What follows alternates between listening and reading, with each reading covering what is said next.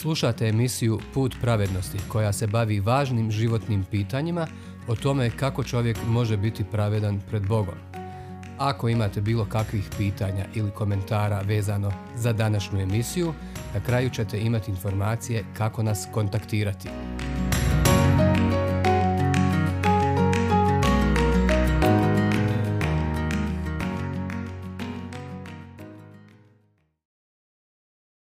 Prorok Izaije u prošloj emisiji smo proučavali život i djelovanje proroka Jone, poznatog po svom bijegu od Boga i proročkog poziva. Naime, bio je poslan u prestonicu Asirije, u Ninivu, da jednom od najvećih dušmana Izraela prenese, ni manje ni više, nego poziv na pokajanje i ponudu oproštenja. Ali ona je pobjegao od toga uspjevajući onoliko koliko svako od nas može da pobjegne od svoje sjenke. Ali Boga nije tek tako ostavio Stigao ga je, uvjerio u poziv, pa se i ona pokajao u utrobi kita koji ga je progutao.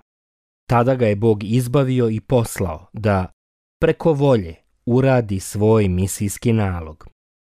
Danas se okrećemo proroku koji se pojavio nakon Joninog vremena i jedan je od najpoznatijih u Svetom pismu. To je Izaija, prorok iz sedmog vijeka prije nove ere, prije Mesijinog rođenja, bio je sveštenik hrama koji je kralj Solomon podigao u Jeruzalemu. Svako jutro i veče bi zajedno sa ostalim sveštenicima žrtvovao jagnje na žrtveniku. Bio je to simbol Mesije koji će proliti krv za grijehe svijeta. Ali jednog na izgled običnog dana nešto mu se dogodilo baš dok je služio u hramu. Evo kako čitamo u šestom poglavlju knjige koja nosi njegovo ime.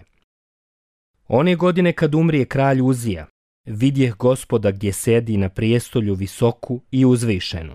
Skuti njegova plašta ispunjahu svetište. Iznad njega stajahu serafi. Svaki je imao po šest krila, dva krila da zakloni lice, dva da zakrije noge, a dvama je krilima letio. I klicahu jedan drugome. Svet, svet, svet Jahve nad vojskama. Puna je sva zemlja slave njegove. Od gromka glasa onih koji klicahu, stresoše se dovraci na pragovima, a dom se napuni dimom. Rekoh, ja o meni propadoh, jer čovjek sam nečistih usana, u narodu nečistih usana prebivam, a oči mi vidješe kralja, jahvu nad vojskama. Jedan od serafa dolet je k meni, u ruci mu žerava koju uze kliještima sa žrtvenika, dotače se njome mojih usta i reče Evo usne je tvoje dotaknulo, krivica ti je skinuta i grijeh oprošten.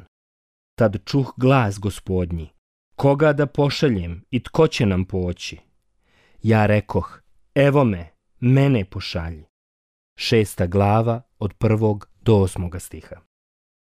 Tako se gospod objavio u slavi Izaiji i pozvao ga da bude njegov glasnik narodu, to jest Hebrejima. Također mu je rekao da zapisuje sve to zbog budućih naraštaja. Ova knjiga je jedna od najdužih u pismu, posebno među proročkim, ali se Izajina poruka može svesti na dvije istine. Prvo, prorok je za Hebreje imao lošu vijest o njihovoj grešnosti i kazni, koja im zbog toga sleduje. Drugo, imao je i dobru vijest za njih. Dolazi sveti Mesija koji će ponijeti na sebi tu njihovu kaznu. Dakle, dvije vijesti o dvije istine. Loša vijest o grijehu i dobra vijest o obećanom spasitelju koji će ih izbaviti od grijeha. Pogledajmo nešto prvo o toj lošoj vijesti koju je Izaija tako silno i slikovito prenio narodu. Shvatio ga je svako ko je htio da ga čuje. Ovako čitamo. Čujte nebesa, poslušaj zemljo, jer Jahve govori. Sinove sam ti odgojio, podigao, ali se oni od mene odvrgoše. Vo poznaje svog vlasnika, magarac jasle gospodareve. Izrael ne poznaje, narod moj ne razumije. Ja ogrešnali naroda, puka u zlu ogrezla, roda zlikovačkog, pokvarenih sinova. Jahvu ostaviše, prezreše sveca Izraelova, njemu su okrenuli leđa. Prestanite mi nositi ništavne prinose, kad mi omrznu. Mlađaka, subote i sazive, ne podnosim zborovanja i opačine. Mlađake i svetkovine vaše i sve duše mrzim. Teški su im, podnijeti ih ne mogu. Kad na molitvu ruke širite, ja od vas oči odvraćam. Molitve samo množite, ja vas ne slušam. Ruke su vam u krvi ogrezle. Prva glava od drugog do četvrtog stiha i od 13. do 15. stiha.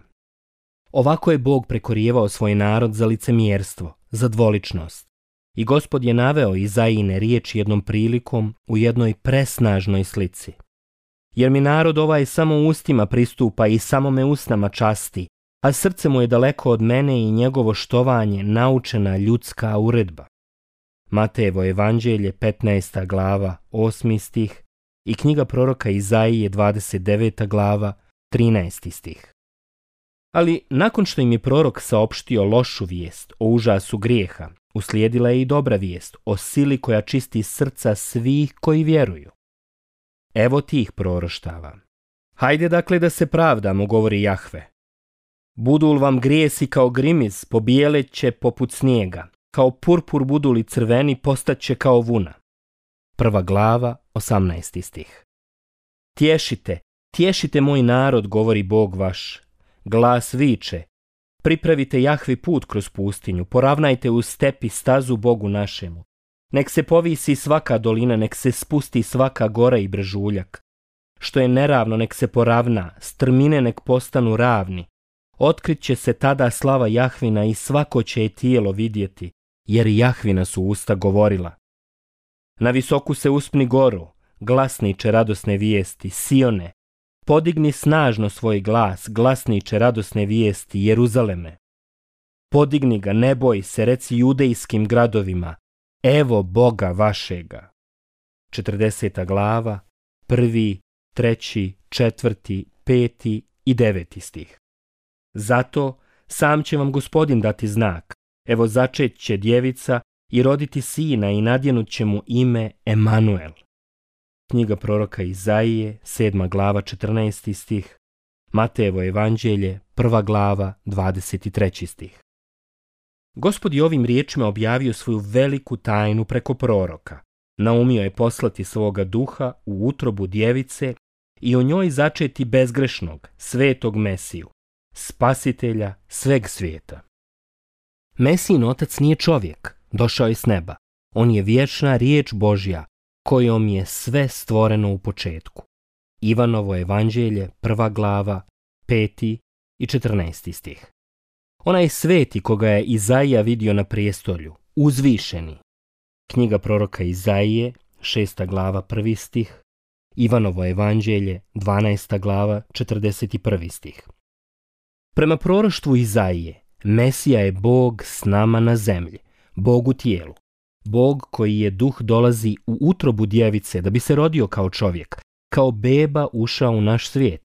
O tome Izaija proriče. Djevica će začeti i rodit će sina. Nazvaće se Emanuel, što u prevodu znači Bog je s nama. Knjiga proroka Izaije, sedma glava, 14. stih. Izaija je najviše od svih proroka pisao o Mesiji, kakav će biti i šta će činiti. Evo još njegovih riječi. Narod koji je u tmini hodio, svjetlost vidje veliku.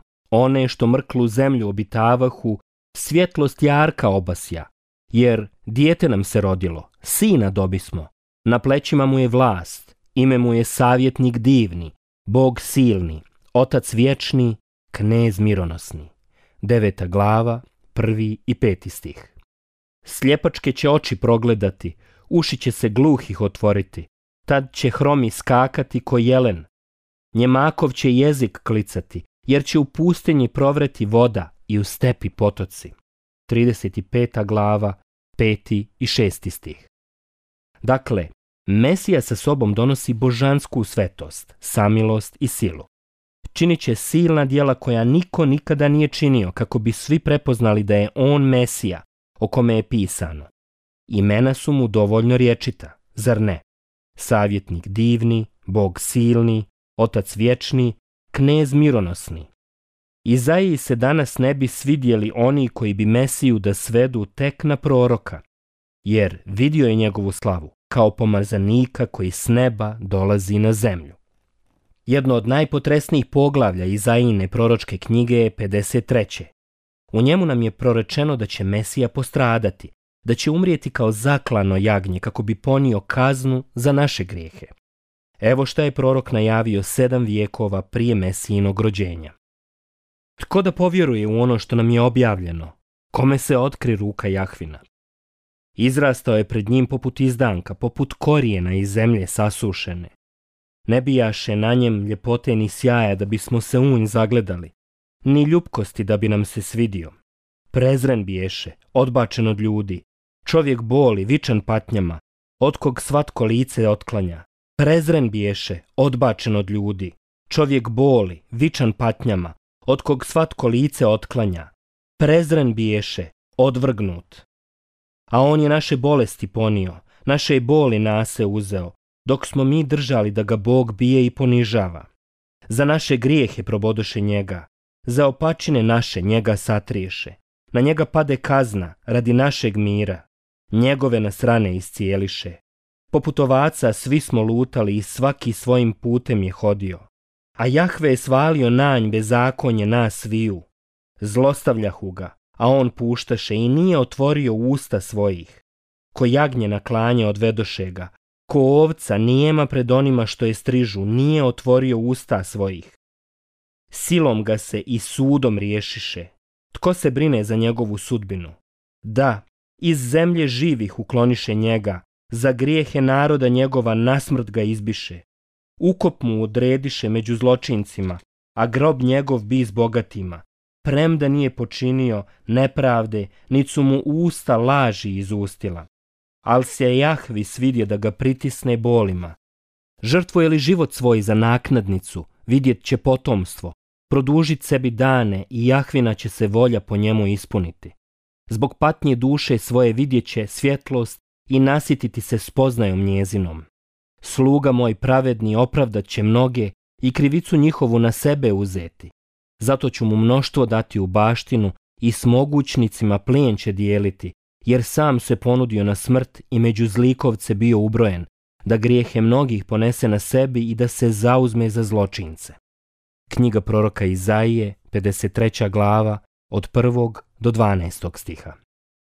Tako prorok Izaija piše o Mesiji koji će proliti svoju krv, kako bi Bog mogao oprostiti grijehe grešnicima, a da ne ukalja svoju pravednost. Ovo je srce te poruke. A on je naše bolesti ponio, naše je boli nase uzao, dok smo mi držali da ga Bog bije i ponižava. Za naše grijehe probodoše njega, za opačine naše njega satriješe. Na njega pade kazna radi našeg mira, njegove nasrane rane iscijeliše. Poput ovaca svi smo lutali i svaki svojim putem je hodio, a Jahve je svalio nanj, bezakonje na sviju. Da li shvatamo sada zašto je Izaija nosio samo dvije poruke za narod? Lošu i dobru. Loša je da smo svi bespomoćni grešnici, da se niko sam po sebi ne opravdava pred Bogom. Zato je jasno naglašeno da smo svi zalutali kao ovce. Svi, svako od nas bez izuzetka. Ali tu je i dobra vijest o tome kako svi grešnici, i vi i ja, možemo nazad Bogu. Kako? Ponovimo te slavne riječi. Za naše grijehe probodoše njega, za opačine naše njega satriješe. Na njega pade kazna radi našeg mira, njegove nas rane iscijeliše. Ali prorok se na jednom mjestu pita ko uopšte vjeruje ovoj i ovakvoj našoj poruci. Kome se otkrila gospodnja ruka? 53. glava, prvi stih. Prijatelji, vjerujete li proročkoj poruci? Vjerujete li srcem da je Isus i Mesija? Da je ispružena ruka koja i vas spašava od suda i prevodi vas na Božiju stranu? Rastajemo se prepuštajući vas razmišljanju nad Božijim pozivom i vama i nama, baš svakom čovjeku. Hajde dakle da se pravdamo, govori Jahve, Budu li vam grijesi kao grimiz, pobijelet će poput snijega, kao purpur budu li crveni, postat će kao vuna. Knjiga proroka Izaije, prva glava, 18. stih.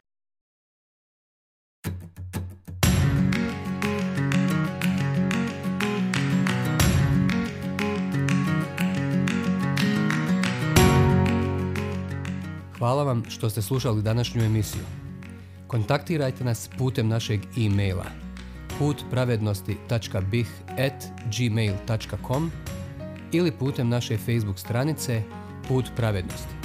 Do sljedećeg slušanja.